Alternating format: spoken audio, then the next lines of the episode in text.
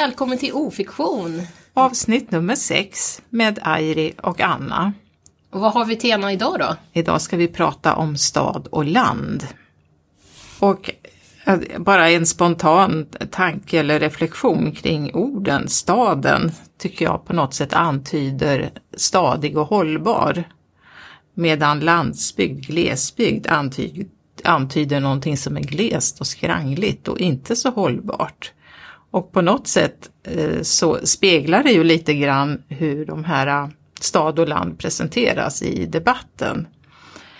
Fast det kanske håller på att svänga nu för att vi har ju tittat i en del böcker just om landsbygden och där finns ju mycket positiva krafter så att något skrangligt är det ju inte frågan om precis. Och just nu här i oktober 2021 så pågår det ju också någon slags diskussion i eh, dags och kvällspress om storstaden, om Stockholm framför allt. Att där kan man ju inte bo. Och sura stockholmare och det har ju varit flera stycken inlägg i, i eh, den här Stockholmsdiskussionen som, som pågår just nu. Men vad det handlar om när det gäller landsbygden så är det just det här att många mindre orter lider ju av en vikande befolkning. Det är de äldre som är kvar, äldre i behov av samhällsservice. De unga har flyttat ut. Eh, det kommer inte in några skattekronor. Och hur ska man hantera den situationen? Och ett försök, det är ju att, att häva den här trenden, det är ju att många mindre orter och kommuner vill så att säga sätta kommunen på kartan.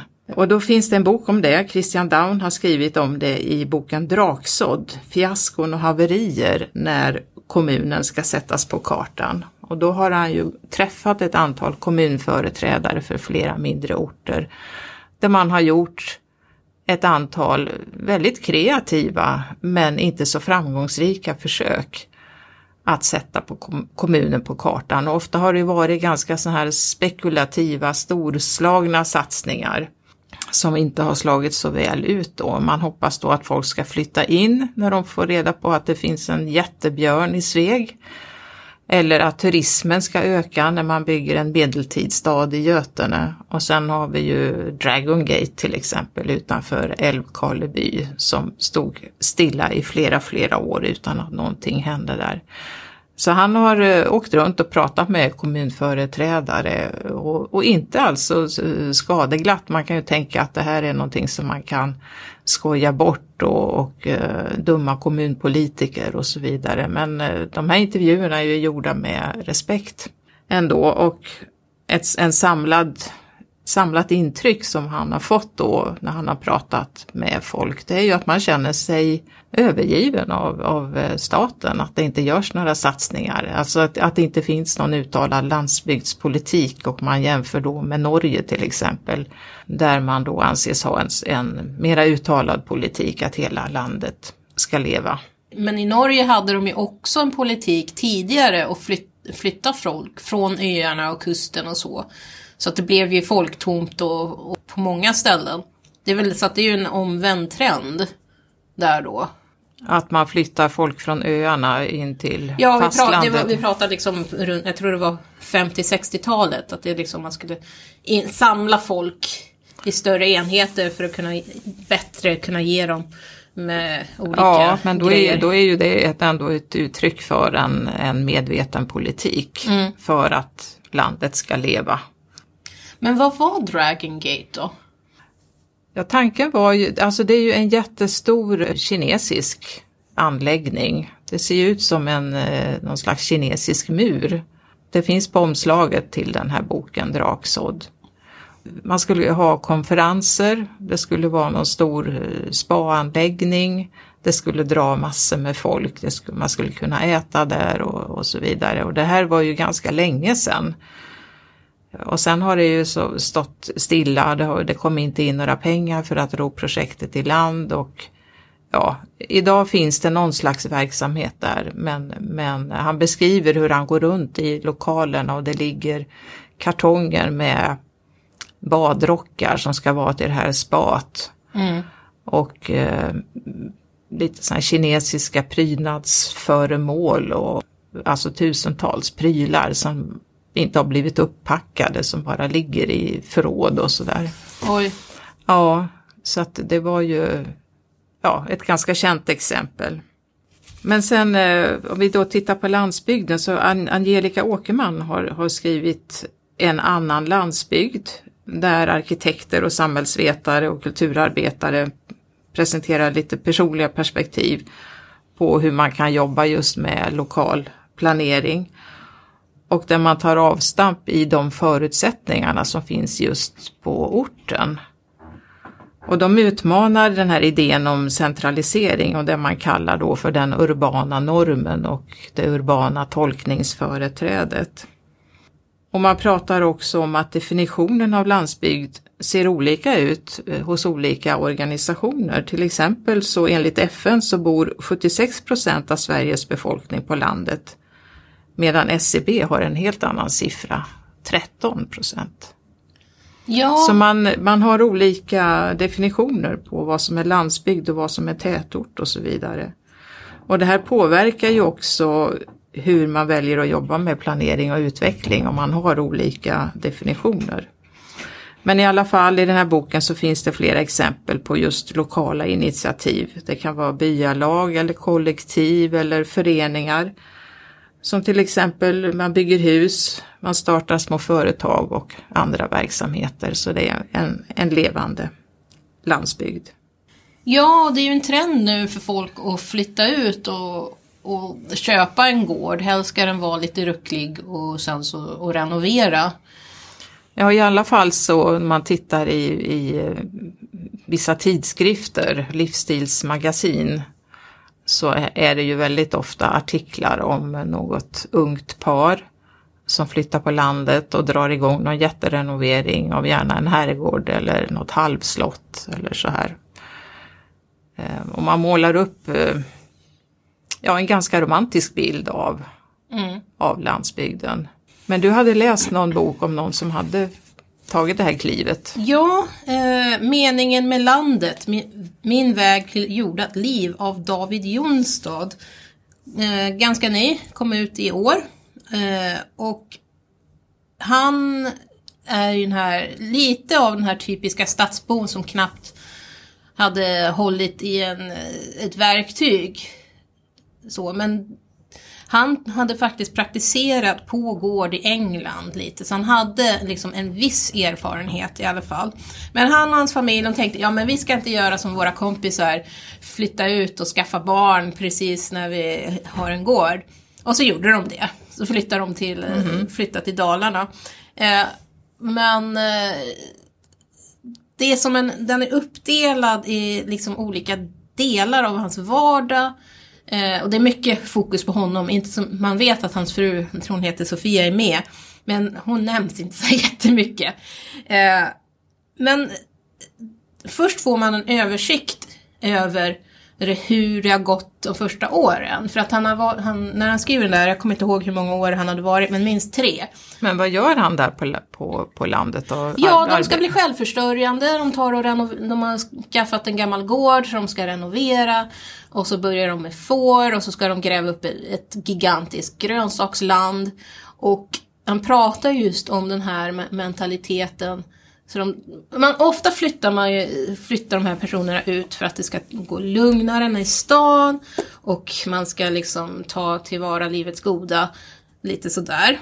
Eh, och han inleder ju med liksom, att det tar ju lång tid för de för med sig det här att man ska göra saker hela tiden så att de tar ju på sig alldeles för mycket första året. Att man sen... både ska renovera och så starta någon slags självhushåll med egen odling och ja. så. Men det, man får ju, det betalar ju inga elräkningar och så vidare. Nej. Han, man kanske in... jobbar ändå vid sidan av. Ja, han har ju skrivit andra böcker eh, mm. om miljön. Så jag har inte det riktigt i huvudet vilka andra han har skrivit. Eh, och sen så föredrag, han, han åker runt på föredrag och har bokprat av olika slag och får in lite pengar på det viset. Så att, eh, men det, jag tycker den ändå är ganska intressant för det är liksom kontrasten mellan hans liv i stan och sen ute på landet, hur han börjar lära sig och, och sådana saker som Med, men hur ska man komma in i den här i, i byagemenskapen? Saker som andra pratar om när han är ute på jakt. Mm. Hur, hur det är att, att liksom meningen med att gå ut på jakt och hur hans syn på jakt ändras från när han är i stan till när han faktiskt börjar med att jaga. Mm. Eh, det är en ganska, det är en liten bok. Eh, ungefär pocketstorlek även om den är inbunden. Inte så superlång, under 200 sidor. Jag tyckte det faktiskt var ganska bra och gav en lite tankeställare och borde ges i näven på folk som ska tänker på att flytta ut. För han tar ju fram både nackdelarna och fördelarna. Mm. Även om det blir i slutändan så känns det ändå lite, han ge, målar upp romantiska bilder. Så, men eh, jag tyckte den var ganska bra. Mm. Den tangerar ju lite grann en, en bok som heter Kvinnor i glesbygd av Lena Wahlstedt som är en samling porträtt av kvinnor som, som har valt att bo kvar på, på landet och deras vardagsliv. Så det handlar om, eh, mycket om hur deras dagar ser ut och hur de livnär sig. Många har kreativa sysslor. De eh, konstant verkar eller konstnärer eller syr saker, sysslar med musik. Och det de, den gemensamma nämnaren är väl just det här närheten till djur och natur.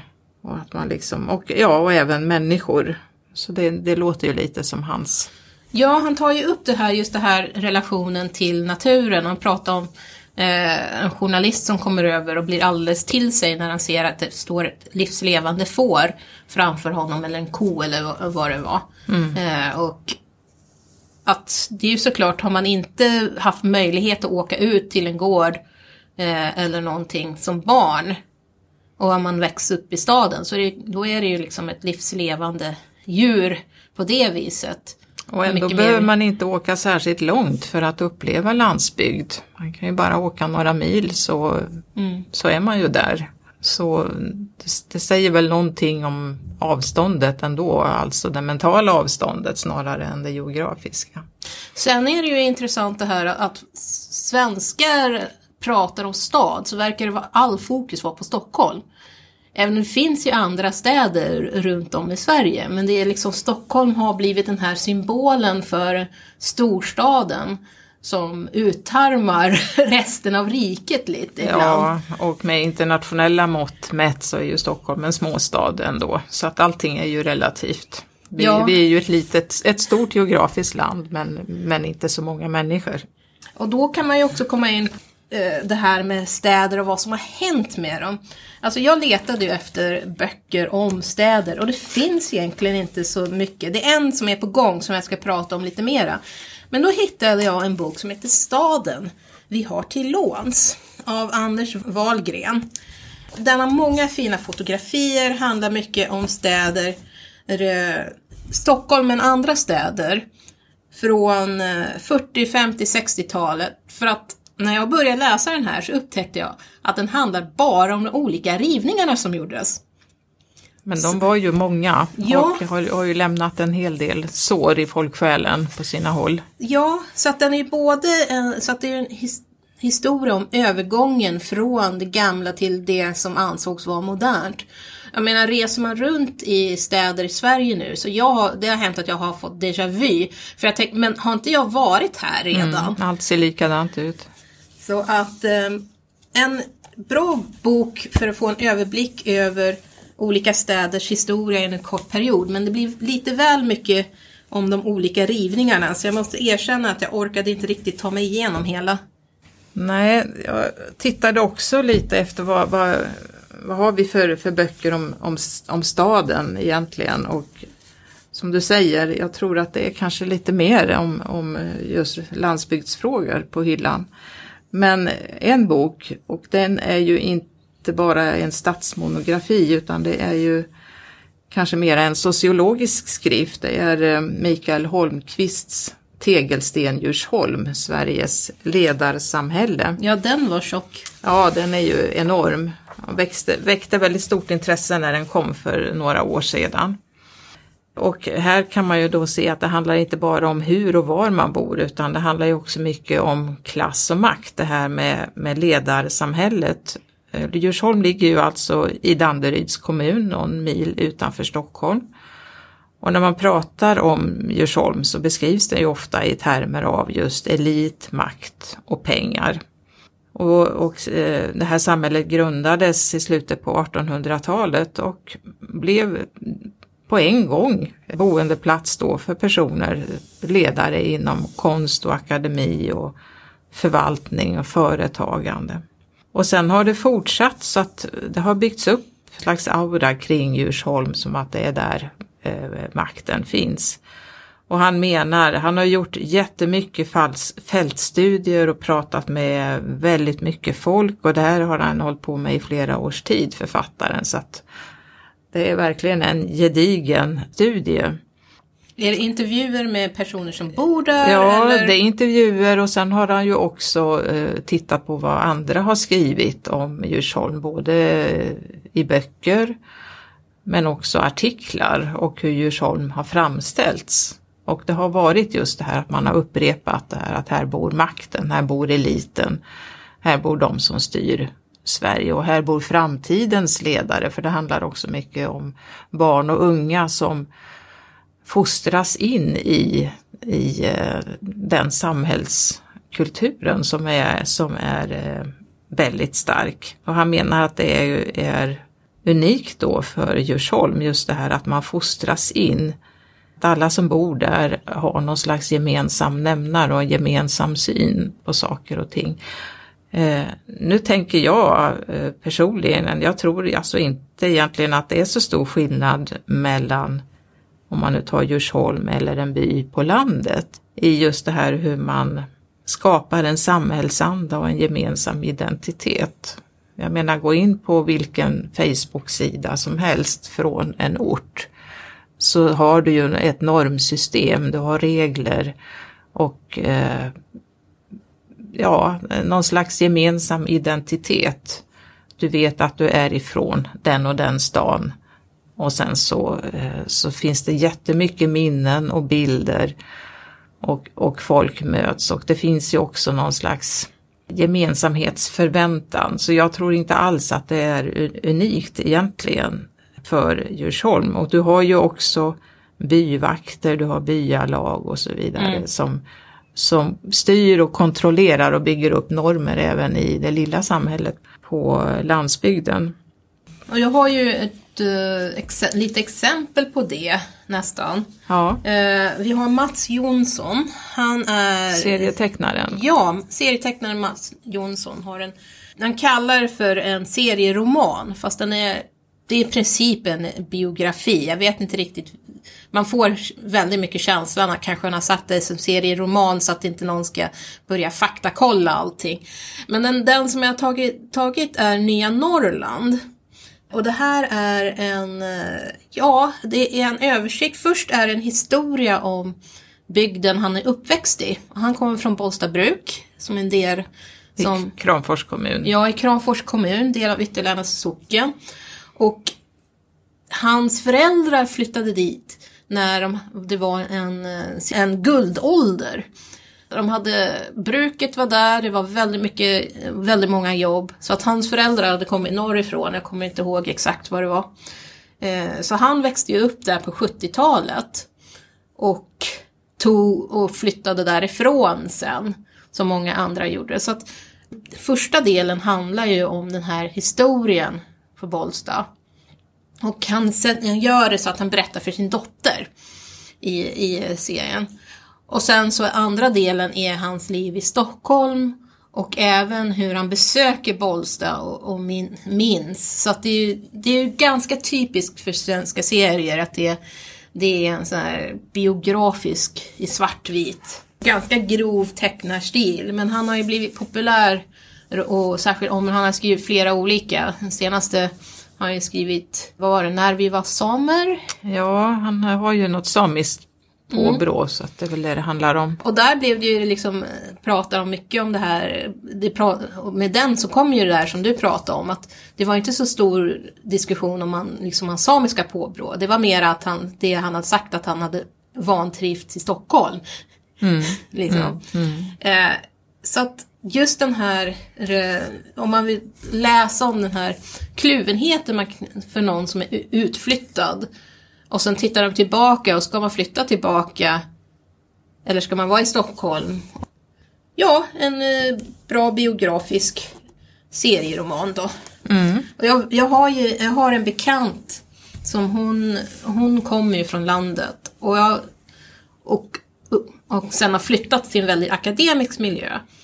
Och jag har varit och hälsat på henne och märkte att det var som hon blev en helt annan människa när hon pratade med, med folket i byn som hon har växt upp med. Men det var liksom hennes dialekt blev, blev mer märkbar och hon pratade på ett helt annat sätt. Det var Mm. jättefascinerande att se. Ja, jo men det är väl så att man pratar olika beroende på vem man, man eh, pratar med. Men när du säger det där så kommer jag att tänka på Eh, var på en järnvägsstation och det kom ett tåg och någon stod och väntade och någon klev av tåget som var från Stockholm och när de möttes de här eh, kvinnorna, den som klev av tåget och den som väntade, så sprang de skrikande mot varann och omfamnade varann och började pussas och kramas och, under glädjetjut. Och då stod det en gubbe där eh, som, uppen, ja, som helt klart bodde på orten och, och tittade på det här då med stor skepsis och sa att ja, det är väl från Stockholm. alltså så gör vi inte här. Det här var ju i Värmland då. Um, Men då har jag en annan bok, min sista bok här. Om att fly ännu längre kan man ju säga. För vi har ju pratat om här egentligen inom Sverige. Men sen har man ju också tanken om den stora staden utomlands.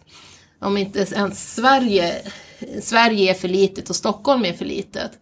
Och då finns det ju några städer som har my- nästan mytologisk status. Bland annat då London. London kanske har inte riktigt samma status nu som den hade förut, men författaren Gunnar Pettersson, han flyttade till London när han, i, han var ung i, på 70-talet, så det var början 70-talet, så han har bott där Ja, det verkar som han har bott där ganska konstant i ungefär 40 år.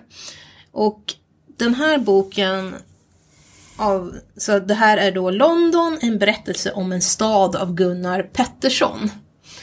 Eh, och det är inte en bok som jag skulle rekommendera om man ska ha en första guidebok till London. Det här är en bok för, eh, för sådana som kan lite om London och vill djupdyka. Det är inga bilder och kartor och sånt. Inga utan, bilder och kartor. Han har lite så här obskyra ställen som man kan ta. Han har lite tips i varje kapitel. Till exempel om man vet vem Dick Whittington är. eh, En känd, väldigt känd borgmästare från medeltiden. Så tar han fyra tips där. Står det här så får du en, en idé om hur, vad Dick Whittington såg när han kom till London. Eh, Så men det är en blandning av Londons historia, eh, betraktelser av London idag. Och jag tror här, den här är från... Det här är från 2018, så att det är före pandemin då. Men Brexit var på gång. Eh, Så det, det är betraktelser under olika ämnen. Jag har kommit ungefär halvvägs. Jag kommer att fortsätta. Han håller på att prata om sport nu och han- inställningen till cricket. Men om man gillar eh, London, England och vill ha något lite djupare än de vanliga guideböckerna och en rak av historia. För att det är både dåtid, nutid, lite olika tidsperioder. Han kan hoppa från, ja så här var det under andra världskriget eller, eller något sånt. Den här personen, han bor kvar i, i London Ja, han bor, alltså. kvar, han bor kvar i London när han, skri- han har skrivit den här. Jag vet inte om han är där nu. Det har jag ingen aning. Men, en, men han pratar särskilt i början om det här. Liksom han, ska, han kommer ihåg hur det var en kille pratar. Han inleder om och berättar om här, den här stöddiga killen. Så, alltså när jag har pengar är lite äldre, jag ska dra till London. Ja, London hade ju en, en, en rosa skimmer väldigt mycket. Man pratar om swinging London, det var väl på 60-70-talet framförallt när den här Gunnar flyttade dit då. Ja, de, han, har en lit, han har några paragrafer om det, när det kom. Man vet inte riktigt, men han tar att det är en, an- det var en guidebok som kom på början av 60-talet. Så han tror bidrog till det ganska mycket. Jag har tittat i en bok av Fredrik Edin som heter Exkluderande design. För att eh, samhällen, till exempel Djursholm eller någon by på, på landet kan ju upplevas som exkluderande genom normer och så vidare. Men exkludering av oönskade det kan man göra på flera sätt och bland annat genom design. Fredrik Edin han går igenom då exempel som man kan hitta i stadsmiljön. Till exempel bänkar som man inte kan sitta på därför att de har en glatt yta och luta lite grann. Så att där ska man då inte bli sittandes eller liggandes särskilt länge för då glider man av. Och syftet är ju då att hindra uteliggare, drogmissbrukare, tiggare som vistas på gator och torg eller utanför eh, butiker. Andra exempel som han nämner det är att man tar bort offentliga toaletter eller att man placerar ut spikmattor i såna här butiksprång eller när det blåser varm luft. Och det syftar ju då till att stänga ute vissa människor, att göra dem osynliga. Och han menar, eh, det är en ganska kort bok med, med flera sådana här exempel, men han menar ju att i långa loppet så anpassar vi oss till det här och accepterar att det ska vara på det här sättet. Och frågan är ju då alla som är hemlösa, var ska de ta vägen när de inte får vistas i det offentliga rummet? Och vem är det offentliga rummet till för? Och vad är en trygg miljö? Vad är en otrygg miljö? Vem är det som bestämmer det? Eh, och en mera eh, sofistikerad variant på det här med exklusiv design, det kan ju till exempel vara i en galleria där du inte kan sitta någonstans om du inte köper en kopp kaffe. Då kan du sitta. Men annars har du inte pengar att köpa den här kaffekoppen. Då finns det ingen sittplats för dig. Så det är ju också ett exempel menar han då på hur man exkluderar människor från, från de här offentliga miljöerna. Det är intressant. Och jag vet inte i vad mån man diskuterar när man gör samhällsplanering idag hur pass medvetet det här är. För det har ju varit en hel del kritik också mot det här att man lägger ut spikmattor eller sätter upp taggtråd eller krossat glas och så vidare. Just för att stoppa hemlösa till exempel för att sova ute. Och det finns ju i Sverige idag, det omedelbara exemplet jag tänker på det är Uppsala tågstation. För där har man inga sittbänkar. Utan de har, det ser ut som en träreling. Eh, så man, för första så måste man vara i en viss höjd så ens, ens bak kommer i rätt höjd. För den här trärelingen den är då några decimeter bred och sen lutar den. Så man ska kunna liksom typ sittluta mot den här trärelingen mm. som finns. Mm. Jag är för kort för den så den hamnar ju liksom i ryggslutet och den mm. har egentligen ingen funktion för mig. Men den är ju definitivt, den är gjord för att man ska kunna kanske luta sig lite nonchalant på något vänster. Om man är av en viss längd då. Ja. Mm. Och sen så en annat exempel, eh, det här var många, ganska många år sedan, jag tror det här till och med slutet av 80-talet, början av 90-talet. Jag kommer ihåg att jag väntade på, i en busskur i, i eh, Brighton på flygbussen och då hade de en sån där bänk och då var, för första så hade de brutit av det så att det var eh, bara enstaka fåtöljer i en, i en bänk. Och sen var det alltså, de vippade. Mm. Så att man var tvungen att sitta exakt rätt på de här fåtöljerna. Eh, som för övrigt var ganska hårda. Men skiftade man bara någon centimeter och fem håll, då ramlade man på arslet. Mm. Jo precis och det finns ju bänkar där man har, har lagt ett ett handtag i mitten så att man inte ska kunna ligga i full längd på bänken. Ja, det var ju på de här också. Ja. Så man skulle inte ens få sitta i de här mer än nödvändigt. Ja, jag vet inte om, om det går att sammanfatta det här på något eh, vettigt sätt. Ja, men, jag har ju en bok till. Ja, jag kan bara innan du tar ja. den som slutkläm då så kan jag ju nämna Josefina Systners Mindre många om anpassning och utveckling i krympande kommuner. Och hon pratar om att anpassa landsbygdsutvecklingen efter lokala förutsättningar som man har varit inne på i någon annan av de andra böckerna som vi pratade om här. Och hon säger att när hon, har varit, hon är ute och föreläser och skriver artiklar och att folk ofta reagerar med ilska för att hon inte verkar begripa att tillväxt är viktigt. Men hon säger att det handlar inte bara om pengar utan också om vilken sorts samhälle man vill leva i. Och hon tycker att det saknas en framåtblickande planering kring hur man ska anpassa sig till det här med en vikande befolkning. Att det är dåligt med, med strategier. Och exempel på en anpassad politik det kan ju vara då, menar hon, att man samverkar med grannkommuner.